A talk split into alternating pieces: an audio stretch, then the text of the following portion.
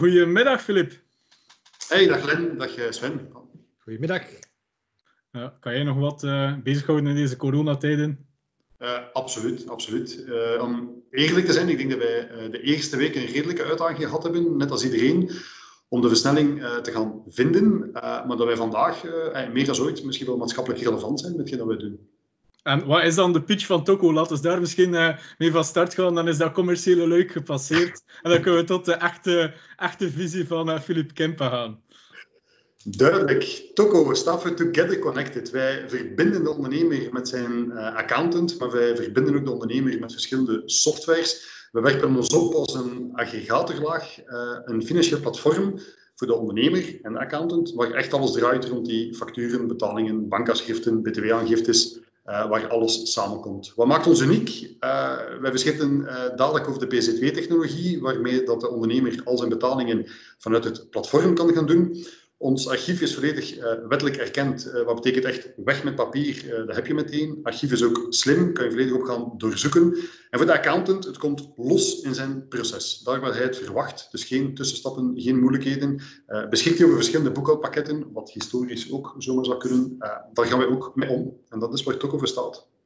Shit zeg, dat zou even goed gedaan hebben in een, in een lift op een paar verdiepingen. Een echt een elevator pitch. Dat, dat zou nog gelukt zijn ook.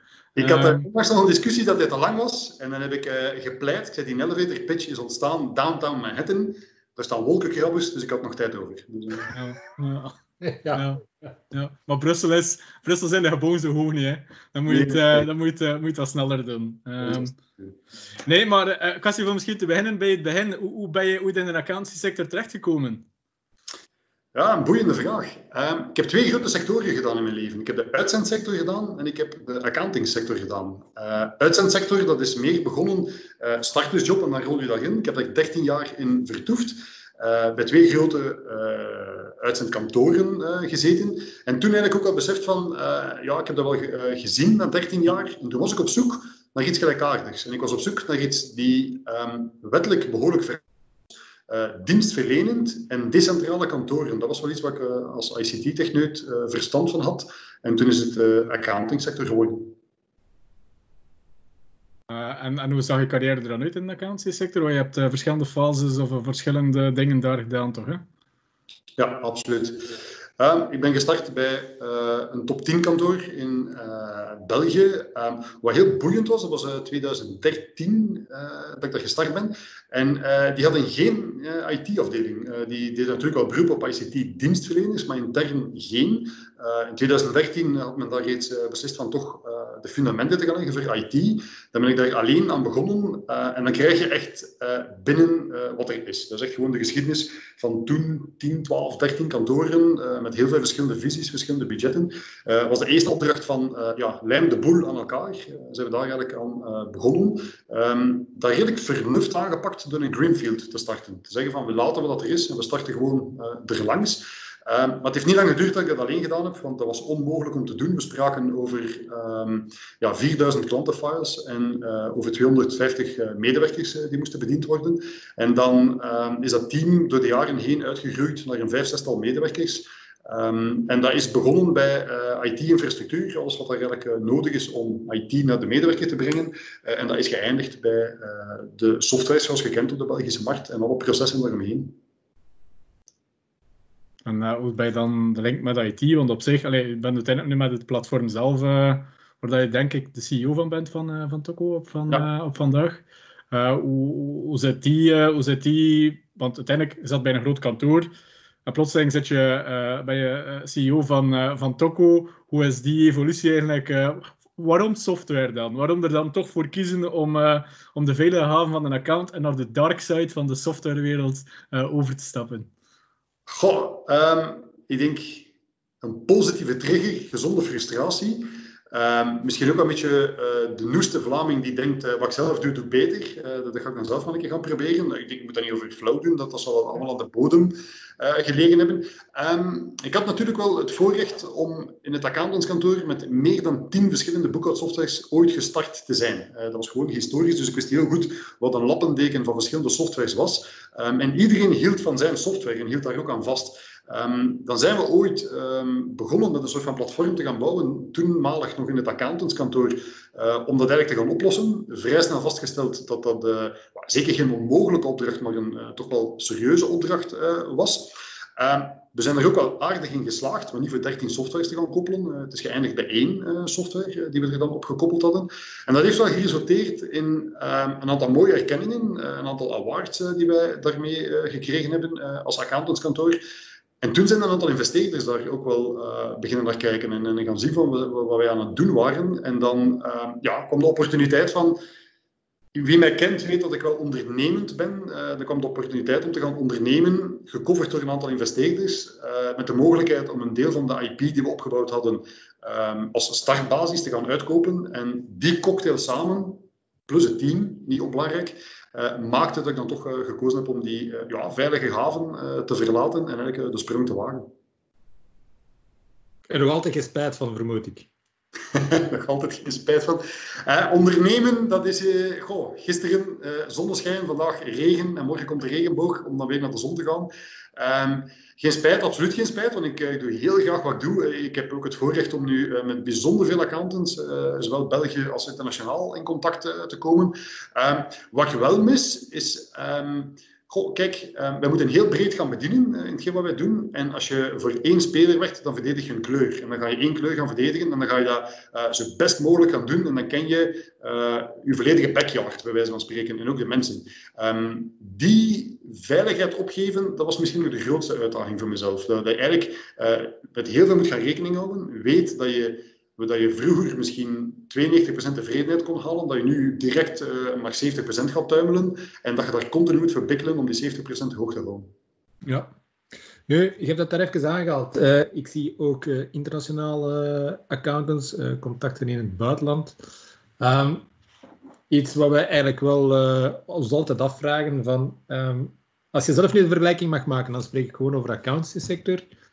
Hoe doen wij het dan, wij Belgen, Vlamingen? Uh, hoe doen we dat dan in vergelijking met het buitenland? Wat, wat is goed hier, wat minder goed is daar en omgekeerd? Ja, ja een boeiende vraag. Um, wat doen we goed? Um,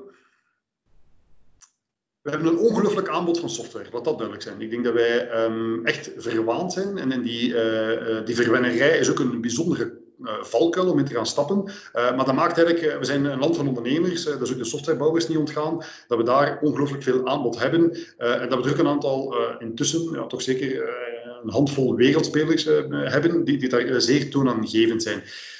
Tegelijkertijd dat je dat hebt, moet ik wel vaststellen dat wij, en dan spreek ik nu mee van een propositie als mede-aanbieder software, we zijn allemaal heel hard aan het vechten voor een beetje van de koek van een vermoedelijk heel kleine koek. Uh, zeker toch voor het Vlaams-Belgische landschap. Uh, ik denk dat dat uh, wel iets zegt om tot het punt te komen dat wij te weinig samenwerken. Te weinig commercieel durven collaboratief zijn.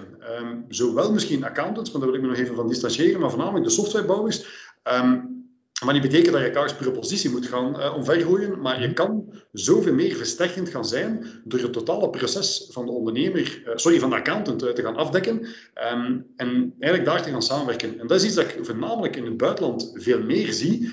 Um, als ik in de UK ben, daar wordt veel meer samengewerkt. of de deur staat volledig open, of niet, helemaal niet. Daar, daar heb je wel uitersten van spelers. Maar daar waar ze openstaan, Um, loopt het gewoon allemaal heel vlotjes aan elkaar, loopt het allemaal wel door. En dat zijn wel bijzonderheden die ik vaststel. Um, wat zie ik ook in andere landen, en dan is Nederland daar koploper, lef. Echt lef, springen, doen. En in twee richtingen. Dat betekent, er komt iets, we gaan het proberen. En is iets voorbij, laten we het los. Dat, is, dat is de tweede richting waar ik eigenlijk ook over uh, bedoel. En dan gaan ze heel ruim um, is dat nu Microsoft Teams, die het laatste kwartaal ontploft is, eh, die opeens in alle industrieën. Wel, um, in Nederland zal Microsoft Teams al een jaar in sommige fiduciaires gewoon zijn intrede gedaan hebben om dan toch maar met die klant dat contact uh, te gaan hebben. Um, er zijn trouwens andere spelers ook dan, uh, dan Teams. we hebben in België daar, daar overigens zeer goede spelers van. Um, maar om maar aan te geven, een beetje die, die progressiviteit durven durven omarmen en durven loslaten. En dat is wat ik ook heel vaak in mijn pitches ingooi. Uh, niks is voor altijd, en zelfs dat niet. Um, en dat je eigenlijk die continue ketting continu moet durven uh, gaan vernieuwen. Hoe komt dat? Um, we zijn zo prematuur in hetgeen wat wij doen. In de digitalisatie, uh, ik ben er in 2013 ingegooid in deze sector, uh, 20 jaar actief als IT'er. Maar we zijn zo prematuur in deze sector. En dan is het normaal dat er heel veel aanbod is, maar we moeten matuur gaan worden in onze keuzes. We moeten matuur gaan worden in ja, durven samenwerken, durven omarmen, durven weggooien. Mag je dan zwart-wit stellen, zonder enige nuance daar, dat we met te veel zijn als het gaat over softwareaanbieders? Um, ja, ik ga ja zeggen. Uh, ik, ik, was aan het nadenken. Ik ga er ook niet flauw over doen, want ik durf ook mezelf in de voet schieten op een positieve manier. Uh, we gaan niet vragen wie dat eruit moet. We gaan, dat gaan we niet vragen. maar ik heb ook niet gezegd dat de mensen uit moeten. Er zijn twee zaken. Um, ofwel ga je um, een commercieel versterkte propositie gaan aanbieden, ofwel gaat kwaliteit komen bovendrijven. Het zal één van beide zijn. En uh, de klant heeft altijd gelijk. De, of dat nu de ondernemer of de SME of dat is uh, de, de zuivere particulier, de klant heeft altijd gelijk. Waarom dat er iets een tendens wordt en iets weer vergaat. Maar ik ben bang dat we voor een aantal zaken met te veel zijn. En je ziet ook, er zijn een aantal spelers, zeker de Belgische markt, die alleen zijn, die het ook heel goed doen. Dus um, ik pleit niet voor een marktdominantie, verre van. Um, maar op sommige zaken is het toch wel een beetje... Als je, hey, het benoemen. De core boekhoudpakketten, dat is gewoon historisch, dat is ongelooflijk breed. Er zijn zelfs bepaalde huizen die verschillende titels moeten gaan onderhouden of die nog titels blijven bijkopen of acquiseren. Uh, dat gaat voor de pijl. Dat kan gewoon niet blijven duren om, om zo zaken te blijven gaan onderhouden. En daar begint ook een beetje voor mij de journey. Um, een boekhoudpakket wordt dan niet een heel intelligente Excel-file, waar je voldoende plugins moet kunnen op aanbouwen en die gewoon in balans moet zijn en dat die boekhoudpakketten misschien bij de core, om daar de innovatie los te laten, ik werp het maar op. Maar misschien voor daarop verder te bouwen, ik ga niet kijken naar de Belgische spelers dan. Laten we dan een keer naar de buitenlandse spelers bekijken. Je hebt zelf nu boekhoudpakketten aangeraakt, maar ik denk dat we dat kunnen breder trekken dan enkel de boekhoudsoftware. De grote marktspelers die zitten niet in België, ondanks het feit dat er hier heel veel spelers zitten, zitten die hele grote spelers niet in België. Hoe, komt dat volgens jou? Nou, we hebben Xero, QuickBooks, dat zijn de absolute dominanten uh, wereldwijd. Um, ik heb er lang naar, niet lang naar gezocht, maar wel uh, naar gekeken. En ik zie opnieuw een parallel met mijn verleden, met mijn uitzendsector. We hebben een dermate fiscaal, uh, juridisch, legaal apparaat die het niet toelaat om dergelijke softwares snel naar hier te brengen. Dat was met die uitzendsector hetzelfde. Um, dat is in Nederland totaal anders en veel eenvoudiger. we verdienen wel belachelijk veel geld, het schijnt. Hey, dat, uh, 400 euro per uur. 400 euro per uur. 400 euro per uur. Ja, ja, ja dat, was stond in de tijd uh, van het weekend ja. over de belastingconsumenten. En uh, we gingen, ja, dat, is dan weer een politieke inslag. Um, maar ik denk... Um, de, de, regeltjes en de Vlaamse coterij aan de regeltjes die erbij komt. Eh, als softwarebouwer moet het ook maar willen omarmen. Um, en dat maakt, um, als je kijkt naar die Xero en die QuickBooks, um, om er nu twee opnieuw te gaan noemen, uh, het ecosysteem dat zij rondom zich weten te bouwen hebben door een zeer sterke propositie. Wij gaan u balans in evenwicht houden. Dat is misschien de essentie van een, van een boekhouding. Daar zijn ze verdomd goed in. En dat maakt dat ze alleen maar op die core moeten focussen en de rest een heel apparaat kunnen rond gaan bouwen. Uh, je zult maar een Belgische aanbieder zijn van boekhoudsoftware.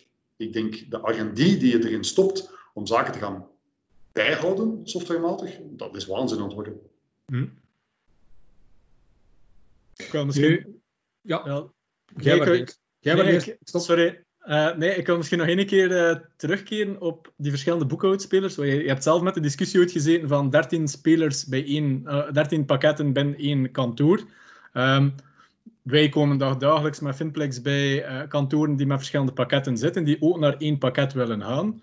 Als je nu één advies hebt of één maar dat geldt voor alle software. Hè. Ik heb nu over boekhoudpakketten, maar laten we het hebben over alle typen software. Die uniformisering waar dat wij zo heel hard in geloven van als je alles op één pakket trekt, is de, uh, de tijdswinst of de efficiëntiewinst, laten we daar dan eventjes op houden, de efficiëntiewinst een pak beter. Hoe pak je dat aan binnen een kantoor? Wat zijn jouw lessen die je geleerd hebt daarin? Dat zijn enorme discussies. Ik heb daar vaak de discussie BMW-Mercedes genoemd. Dat zijn twee topproducten, maar je krijgt die rijders niet met elkaar aan tafel. Dat, gaat gewoon niet lukken. Uh, en het gaat hem over kleine nuances. Het is een auto met vier wielen en één stuur. Uh, zo eenvoudig is het. En dat was met die boekhoudsoftware hetzelfde. De doelstelling was dezelfde, maar de weg ernaartoe was totaal verschillend. Um, dan zijn we voornamelijk gaan kijken. Um, efficiëntie, dat is een chain, dat is een ketting, dat is uh, bijna um, wel opnieuw naar die een auto gegrepen. Als die een auto gefabriceerd wordt in een fabriek, dan is dat duidelijk wat er in het begin en op het eind van de band gebeurt. Zo lijkt mij dat je ook een accountantskantoor kunt gaan organiseren, dat je heel duidelijk zegt, waarvoor staan wij? We gaan documenten ontvangen en we gaan de rapportering uitspuwen, om het zeer snel te gaan zeggen. dan ga je gewoon die ketting zo efficiënt mogelijk gaan bouwen. En dan ehm, kom je eigenlijk tot um, ja, kostprijsberekening en dergelijke. Dat komt er allemaal bij. Uh, en procesefficiëntie, gaan ze maar door. En dan kan je met iedereen gaan praten. Dan gaan we niet meer praten over BMW en Mercedes. Dan gaan we echt gewoon praten over de kostprijs, over de efficiëntie en over de duurzaamheid. En als laatste, en dat was toch mijn IT-technische inslag, hetgeen wat ik ook internationaal net veel pleiten, hoe snel is iets vervangbaar? Want niets is echt voor altijd. Uh, dat, dat, moet er van tussen. Wat als morgen die elektronische factuur echt explodeert? Ik kijk er naar uit. Um, dan gaan er misschien een aantal stappen overgeslagen worden of een aantal korte shortcuts moeten genomen worden. Um, dus voor mij is het uh, supply chain. Uh, zo simpel. Enfin, supply chain is niet simpel, maar zo zou het moeten aangepakt worden. Als ik daar even op voort ga en dan probeer ik terug mijn punt te maken waar ik dan even... mijn... Hey, sorry, sorry. nee, nee. Maar omdat je dat zei, in de UK, eh, ofwel staat de deur helemaal open, ofwel staat ze helemaal toe. En je zit daar met een, een, misschien, ja, noem het dan, uh, met een aantal bedrijven samen om daar dan een, propositie te kunnen maken. Betekent dat dan dat in het buitenland meer een trend is van, kijk, we hebben een BMW-straat, om dan even weer daar, we hebben de BMW-straat, we hebben de Mercedes-straat en bij wijze van spreken de Volkswagen-straat. En nu hoop ik dat ik hier geen enkele autofanaat tegen de uh, maar dat je dus eigenlijk zegt van kijk, dat is die cluster, dat is die cluster. Wat zit er achter deur A, B, C? En kies maar. Of, of is het dan toch nog een, een, een blokkendoos? Of, uh, want dat zit op zich is dat altijd geen, uh, wat wij ook vanuit Vimplex aanraden, is van je moet niet alleen dat ene stukje bekijken, maar je moet zien welk is de schakel in gans dat proces en hoe gaat jouw straat eruit zien. maar misschien is dat dan in het buitenland al meer voorgekoud? Of, of, of...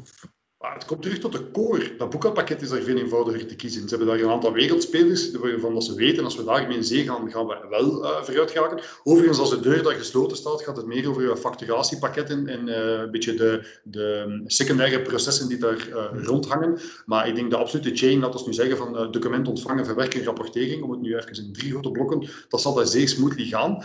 Maar de uitdaging, of wat je vermoedelijk op alludeert, is in België zal die supply chain wel gelijk vertrekken, maar eindigen in twee transportbanden, twee boekhoudpakketten, drie boekhoudpakketten die er zijn. Uh, daar is echt gewoon mijn advies. Ja, je moet gewoon keuzes maken. Je moet gewoon maken dat dat uh, eruit gaat.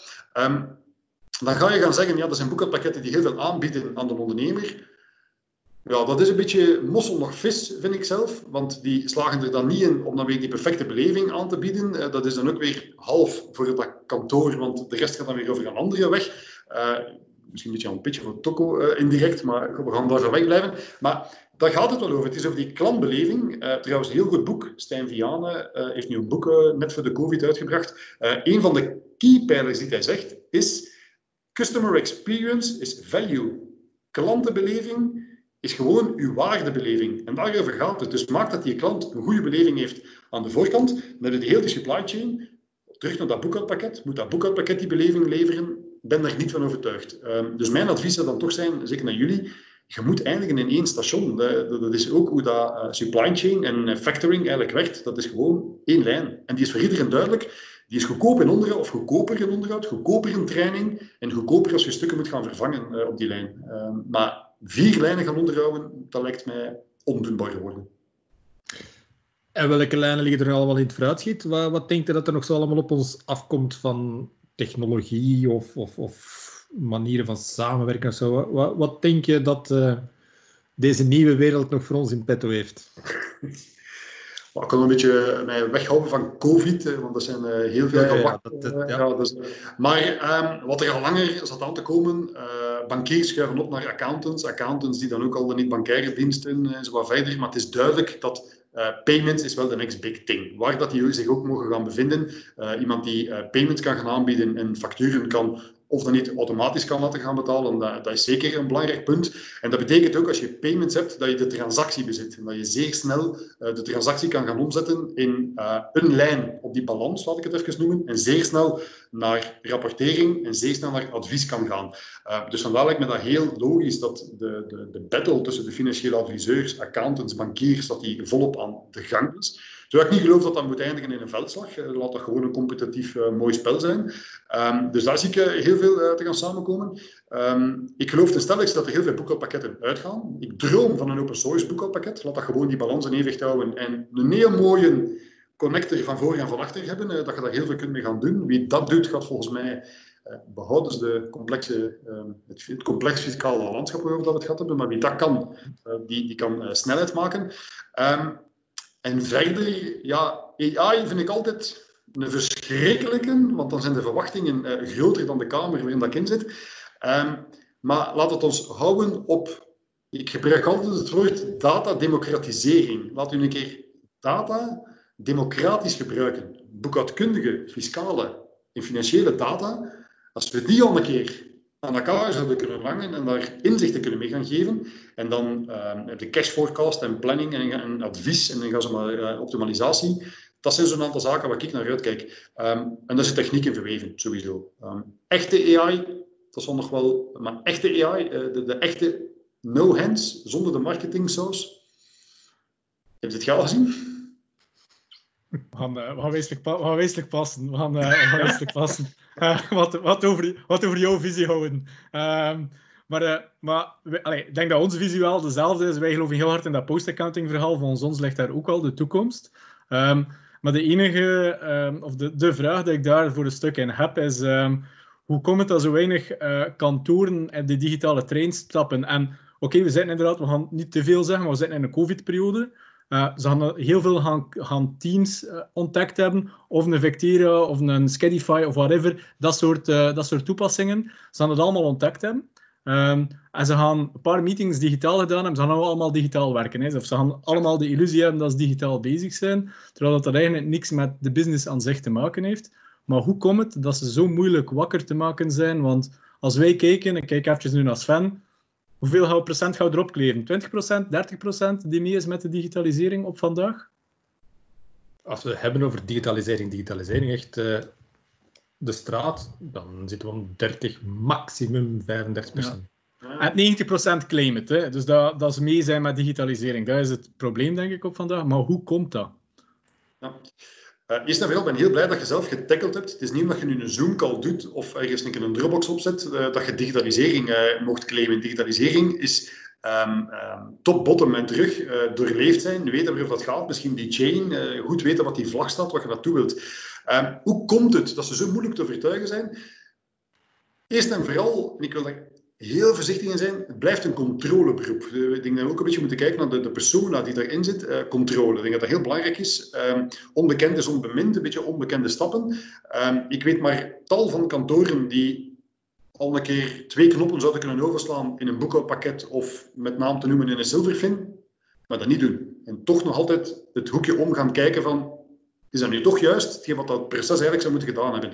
Dus die controle durven loslaten, dat zal wel een belangrijke zijn. Dat is mindset. Um, nog een andere die ik zelf mogen beleven heb, is durf de juiste mensen van voor te zetten. Um, deze industrie is vaak gebouwd op partnerships, daar is hij ook groot op geworden, is hij goed op geworden, maar dat zijn financieel opgeleide profielen. Ik heb zelf het voorrecht gehad om reeds in 2013 uh, in de voorlijn te mogen gaan lopen van toch een midgroot kantoor en er wel digitaal te mogen gaan prediken. Uh, ben ik er altijd blindelings gevolgd? Absoluut niet. Uh, en, en, dat zou ook maar niet goed zijn. Ehm, maar ik wil maar zeggen, het zal een combinatie worden van veel verschillende profielen um, te gaan aannemen um, en daar ook te durven aan luisteren. En, en niet te zeggen van, ik, ja, maar ja, ik heb een businessmodel die het al 18 jaar of 28 jaar doet en goh, nog snel gerekend zal dat nog 12 jaar moeten volhouden en dan is mijn tijd weer voorbij.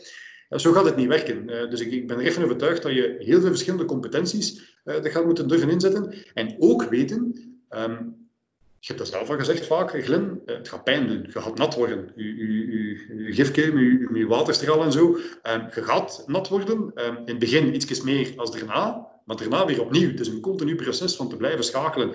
Dus nobody said it was easy. Um, maar wat als je het niet doet? Dat is zo de eeuwige vraag. Uh, wat als je het niet doet? Wat als je het zo op zijn beloop laat? Uh, ja, wat is dan de value van een kantoor? Wat is dan de value van de klant? Wat is de beleving van de klant? Um, dus mijn... ja, beantwoord dit een keer. Je stelt de vraag, beantwoord dat een keer. Ja, maar goed, kijk, Um, ik heb het vanmorgen nog over gehad op kantoor. Wij, we zijn nu bij redelijk actief op social media. Ik volg nogal wat groepen en er zijn nog wat misverstanden rond wat er nu in deze COVID-periode al dan niet voor ondernemers uh, van steunmaatregelen zijn, tot de freelancer die kan ondersteund worden en dergelijke meer. Um, dat is niet evident om daar aan uit te geraken aan die um, materie vandaag. Maar die accountants doen het wel. Uh, ik heb er ook een blog over geschreven, een zestal weken geleden. Er waren accountants die op zes dagen tijd advies aan het geven waren zoals nooit tevoren. Wel, die propositie dat advies kunnen geven, en nu gaat het niet over, er zijn vijf regeltjes en dat is de matrix waar jij in valt. Nee, het gaat over advies geven rond de totaliteit van het dossier. En die totaliteit, dat is weer die chain. Dus maken dat je op alle mogelijke vlakken bijzet. En als je ergens niet bijzet, dat je snel die inhaalbeweging gezet hebt om dat advies juist te kunnen gaan geven. Wel, ik zie maar wat online beleving, ehm, de social media, whatever, leeft van mensen met vragen, mensen die niet geholpen worden, mensen die geen totale file hebben, uh, waardoor dat ze uh, ja, echt gewoon in de kou blijven staan, uh, die meer dan ooit, komt dat bovendrijven, um, dat die niet kunnen geholpen worden, of niet zo snel, of anderen. En daar het volgens mij toch wel een beetje een stuk verschil in klantenbeleving. En dan zijn we heel ver weg van portalen en appjes en whatever. Dan gaat het echt over...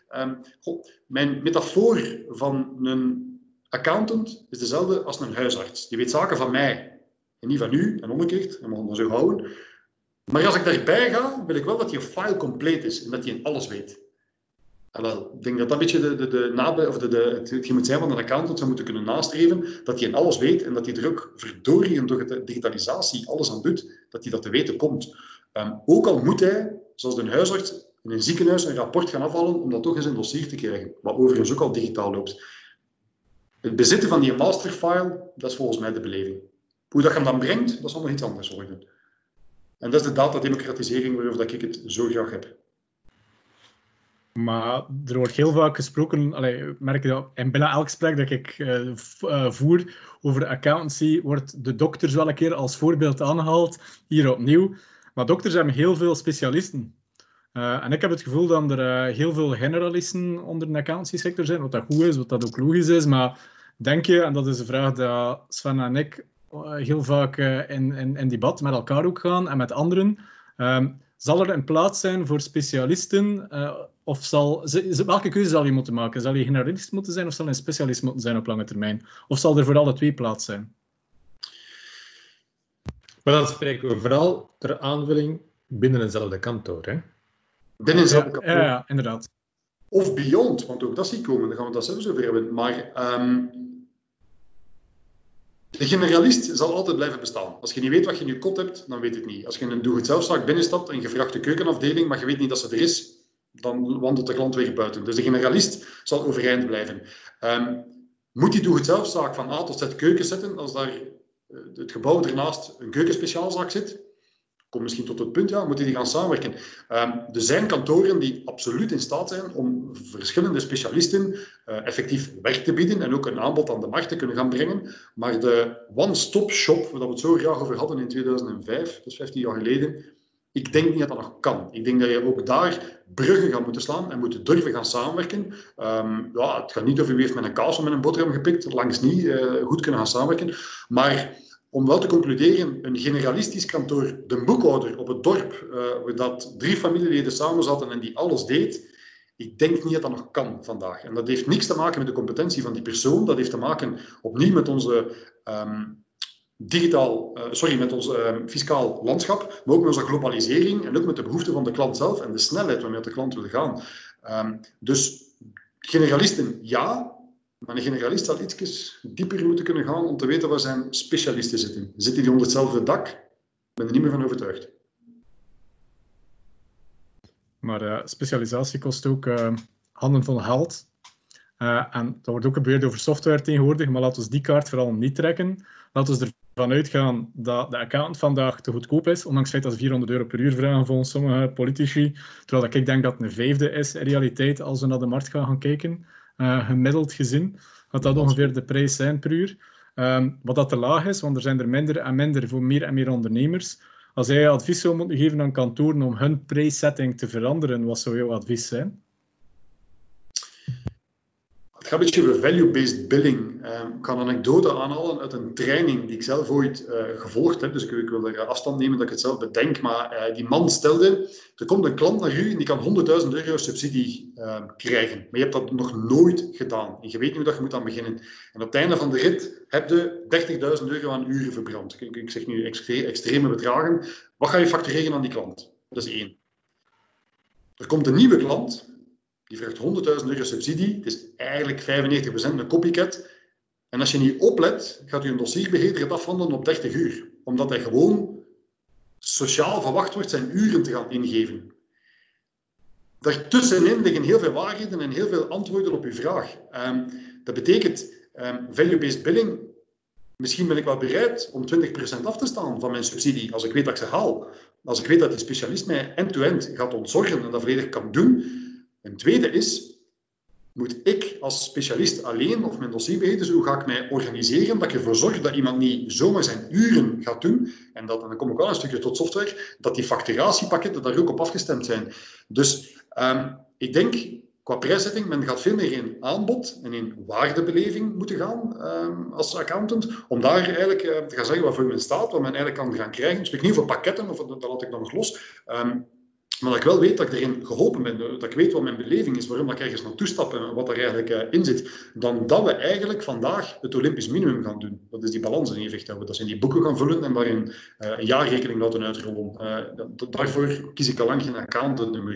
En dat heb ik ook zelf mogen beleven. Ik, heb ook in de keuze van mijn eigen accountant um, ja, daar toch wel, wel overwogen een keuze gemaakt, om dan te kunnen gaan zien van, is dat iemand die mij verder kan bijstaan, die mij ook begrijpt. Dat is ook een persoonlijke keuze. Um, en ik denk dat zoveel meer facetten meespelen dan zuiver. Um, we moeten op x aantal uur proces X, Y, Z afgerond hebben.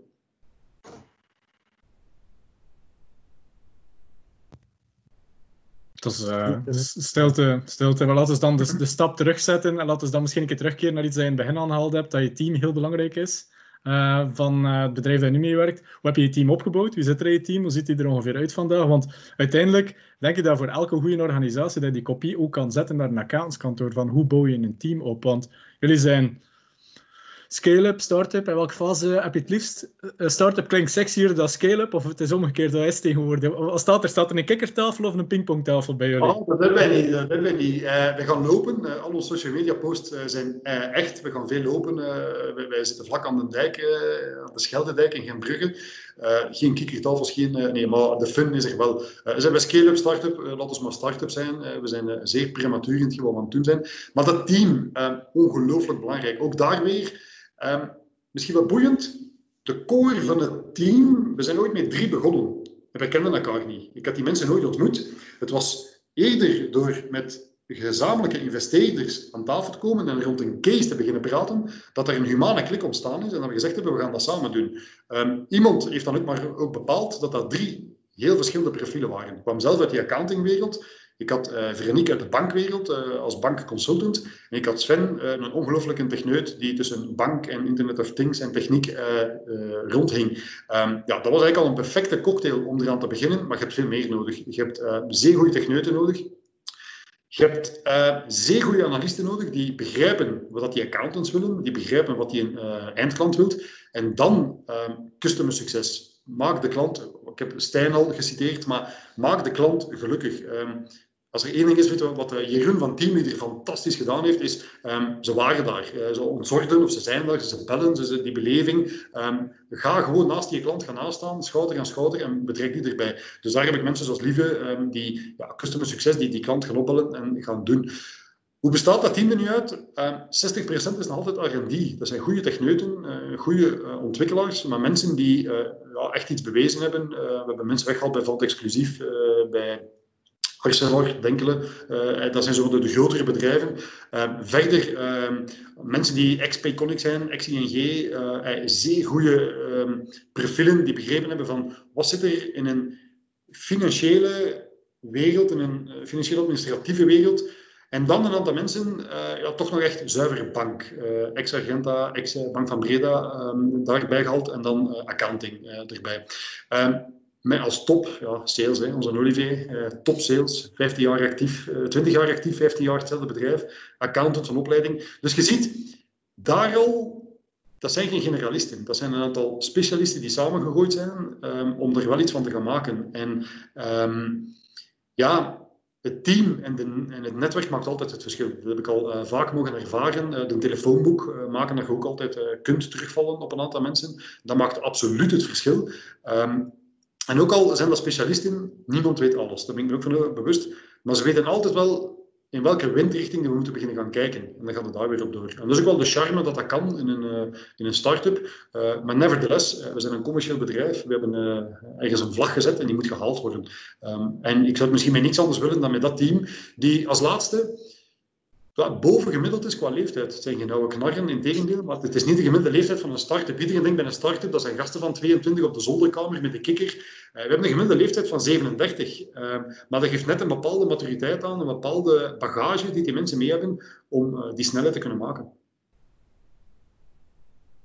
Er zitten daar nog veel... Eh, want start-up. Dus dat is altijd uh, wat uh, bootstrap-achtig iets van uh, laat ons niet te veel uitgeven voordat het niet nodig is.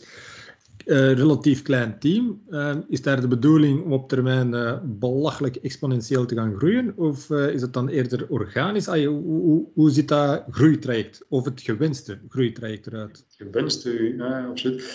Um, dat is een combinatie van beide. Er bestaan ook goede uh, studies over dat je het een kunt laten of moet laten meegroeien met je omzet, of dat je daar nu vrolijk van wordt of niet. En dan heb ik het weer over customer succes en onboarding. Dat zijn zaken die, die lineair met je omzet moeten meegaan, of je gaat het niet halen. Er zijn een aantal andere zaken, als je het over sales marketing hebt, dat je uh, gaat moeten durven, een aantal uh, zaken gaat moeten springen en misschien wel gaat moeten voorop gaan. Ehm, maar onze visie is, laat ons eerst een keer een kwalitatief goede software brengen voor de thuismarkt, dat je het heel goed in doen. Um, hoe doen we dat? Dat is door nu ook al te kijken in het buitenland van hoe doen zij dat, best practices te gaan samenbrengen. Um, en wel een model te maken die scalable is en blijft, die gewoon uitrolbaar is. Um, gelukkig zijn we geen boekhoudpakket, zitten we niet aan die harde constraints van uh, wetgeving, daar we moeten mee gaan rekening houden. Ze zijn er, maar niet zo diepgaand. Um, en dan komt de rest. Dan komt het, uh, ja, de, de, enorme groeiverhaal uh, die je voor hebt. Dat je zegt van oké, ik kan met dit product uh, echt de boer op, ik kan daar veel meer mee gaan doen. Ehm, maar ik geloof enorm in de eindklant. Die heeft altijd gelijk. die mag heel hard zijn voor ons, als dat correct is, om dat product juist op poten te zetten. Dus ga mij niet vragen naar tijdslijnen, wat wil de wanneer, een aantal cijfers. Um, staan ze op papier, absoluut. Um, maar de visie is eerder juist product, juiste beleving, schalen. Dat is hoe dat wij er naar kijken. Dus België eerst maar buitenland ook. Ook, absoluut. Ja, absoluut. Ja, en wanneer ga jij achter, achterom kunnen kijken en zeggen van ja, ik ben trots op hetgeen dat ik verwezenlijkt heb, tenzij dat dat nu al zo is natuurlijk, maar uh, wanneer ga jij echt tevreden zijn? Oh, Glenn, als je mij een beetje kent, de onrust zelf, uh, ik weet dat niet. Ik, uh, maar ik heb ook zo niet van mezelf. Uh, een bepaalde sfeer rond start-ups of het recente ondernemen moet gaan over targets en het behalen van uh, ongelooflijke uh, zaken die bijna voor onmogelijk hielden. Um, ik, ik, wil dat niet um, geiten willen sokken, maar ik vind iedere dag gewoon fantastisch. En iedere dag ben ik echt degene die er opnieuw voor gaat en er wil blijven voor gaan. Um, tuurlijk heb ik mijn vlaggen staan en staan ze ergens intermediair. maar ik ben nog zo jong. Ik kan op die vraag nog niet deftig antwoorden om te zeggen van, laten we zeggen, ik heb al iets behaald. Waar ben ik wel trots op? Dat zijn de mensen in het team die ik samengebracht heb. Um, ik sta nu een achttal jaar aan het hoofd van verschillende teams. Uh, ik heb mensen er zelf moeten uithalen, maar een cijfer waar ik ongelooflijk wel trots op ben. Ik heb nooit iemand op mijn teams weten vertrekken. En dat geeft misschien ook wel uh, een bepaalde tendens aan. En dat is misschien wel iets waar ik wel bijzonder uh, trots op ben. Um, al weet ik dat dat ooit mij wel zal overkomen. Dat, dat zal niet ongewoon zijn. Nee, dat uh, hoort erbij, denk ik, bij, uh, bij ondernemen. Ja, wij hebben al een duidelijk doel in met Finplex. Wij willen ooit gewoon Goedenavond Sportpaleis kunnen zeggen. Dat is uiteindelijk ons, ons enige doel. Sportpaleis ooit vol krijgen van accountants. Maar met mijn, naam, wij... met mijn naam bovenaan op dat affiche zie ik dat te doen. Dus dan... nou, niet, maar Philip Kempen is wat te lang voor op een affiche te zetten misschien. Uh, het zal dan enkel Kempen zijn, als dat goed is voor jou. Ja. ja maar... PH is niets anders dan P. Dus ik wil ja, dat is waar. Uh, trouwens, als je kijkt naar, naar Finplex toe, um, hoe, hoe zie je ons in het landschap? We zijn ondertussen ook al een tweetal jaar bezig. Ik ken ons ook vanaf het begin. Um, wat vind je dat we misschien anders moeten doen? Of hoe positioneer jij ons? Um, in het begin, um, ik heb dat zeker met jullie besproken, ik vond dat een ongelooflijk gewaagde keuze. Daar ga ik ook al van. Uh, want dat kon ongelooflijk uitgeleiden in, een, in, een, politiek verzand steekspel, of dat kon een zeker succes zijn. we zijn aan het bellen vandaag. ik denk dat dat succes dat jullie aan het schrijven zijn. Dus ik denk dat belangrijk is voor jullie, het is een ongelooflijke dunne lijn te bewandelen tussen het ongelooflijk openhouden van een debat en een open debat. En daar durven een beetje de, de stok in het hondenhok te gooien op een positieve manier. En toch um, uitspraken te durven plaatsen met respect voor de markt. Dat betekent, um, ja, maar een keer zelf die chain beginnen te gaan definiëren. Uh, dat doe je ook zeker in, een aantal gesloten trajecten, maar waarom ook niet? Maar op zich doen jullie dat ook wel. Uh, uh, wie naar een event van Finplex komt, weet dat het over ronde tafel debatten gaat, dat de producten ver eraf zijn. Dus wat mij betreft zeker die lijn aanhouden. Um, wat er ook wel in mag, en dat missen we wel in België, we zijn allemaal zo braaf. We zijn allemaal zo braaf voor elkaar. ja, een eerlijke review hoeft niet afbreken te zijn niks is volmaakt. Uh, ook die in BMW niet. Uh, dus laten we dat gewoon even um, ja, goed gaan benoemen. En ik denk dat jullie um, in een volgende maturiteitsstap daar zeker uh, klaar voor zijn. In die zin, je hebt nu de sporen verdiend. de mensen weten van, het zijn geen cowboys. ze zeggen um, in welke richting we moeten gaan. Maar een eerlijke boodschap, ja goed, en dan geef je aan mij drie bloemen en dan de volgende vier en dan weer drie aan degene die daarna komt. Ik denk dat dat moet kunnen. Dat, dat je zeker dat standpunt mag gaan innemen. Allee, Allee, en, en, dan awards en Sportpaleis. Hè. En dan awards en Sportpaleis. um, ik, ik kan misschien nog één afrondende vraag stellen. Um, uh, als, je, als je nu jezelf, uh, als je terugkijkt naar jezelf over heel je carrière of van kleins af, als je iets mocht veranderen uh, aan je jongere zelf, wat zou dat geweest zijn? Oh, man. Ik denk dat dat een heel klassiek antwoord is, maar de mens leert relativeren. En dat gaat over heel veel zaken. Um, ja, ik ben iemand die vurig is, die er wil voor gaan, uh, altijd. Dat zal blijven, die competitie. Maar um, de blinde drive, de blinde drive is eruit. Dat was, uh, de drive is er nog, maar de blinde drive die is wel weg. Uh, en dat brengt ook dat, dat relativeren erbij. als je daar eigenlijk kan, Um, man, dat is zo'n verrijkende bagage, dan, dan kun je ook zoveel um, relaxter in een aantal zaken ingaan. Um, en dat geeft ja, gewoon nog meer vermogen om er nog verder. Het is een heel rare redenering dan, maar dat geeft u ja, een relaxed vermogen om verder te gaan. je moet je motor niet op 100% zetten. Een dikke 80 is meer dan goed genoeg en pak die 20 maar voor jezelf. Ja, want dat is dan toch nog... Is dat iets waar, waar jij nu bewust aandacht aan besteedt uh, de laatste jaren van uh, die een het is, uh, het is bijna een, een hippie-woord ondertussen, maar work-life balance. Maar is dat extra aandacht dat dat momenteel krijgt ten opzichte van vroeger? Of was dat er altijd al? Ja. Um, ook daar, ik heb daar langer um, niet over gesproken, maar ik wil daar heel open over zijn. Um, ik volg al meer dan vier jaar yoga, wekelijks. Op maandagavond doe ik yoga met mijn vast groepje. Uh, de helft zijn daar mannen. Um, ik vind dat gewoon fantastisch. Dat, dat, dat, is, dat is één van de fragmenten. Maar daarnaast, um, voeding, slaap, beweging uh, zijn zaken die veel veel meer aandacht gekregen hebben. Ik was vroeger degene die om twee uur in de middag begon aan drie colas en twee snickers en we konden doorgaan. Maar niks blijkt minder waar. Maar nu heb ik echt begrepen, uh, de Tour de France wint je in je bed door te slapen. Dat is waarschijnlijk in het bedrijfsleven niet anders. Als je um, goed je slaap, je beweging, je mind, alles verzorgt, en die juiste balance, um, absoluut, dan, dan kun je de, er veel verder en veel ecologischer mee omspringen dan dat je die motor gewoon naar 100 of 110 procent gaat duwen. Dan is het nog net op tijd voor het middagdutje nu, hè? en, en een veel mooiere afsluitende boodschap kan je eigenlijk niet meegeven. Hè? Laten we daar, uh, laten we daar eerlijk in zijn. Hè? Ah, wel, kijk. Uh, nee, maar dat, dat, wil ik, dat wil ik jou alleszins bedanken uh, voor, voor dit gesprek. Merci. Merci. En tot, tot gauw op een van onze evenementen hè, waarschijnlijk. Absoluut, in levende lijven. Absoluut. Jullie bedankt voor de mogelijkheden en veel succes met jullie series. Hou het gezond, hè. Dank je wel.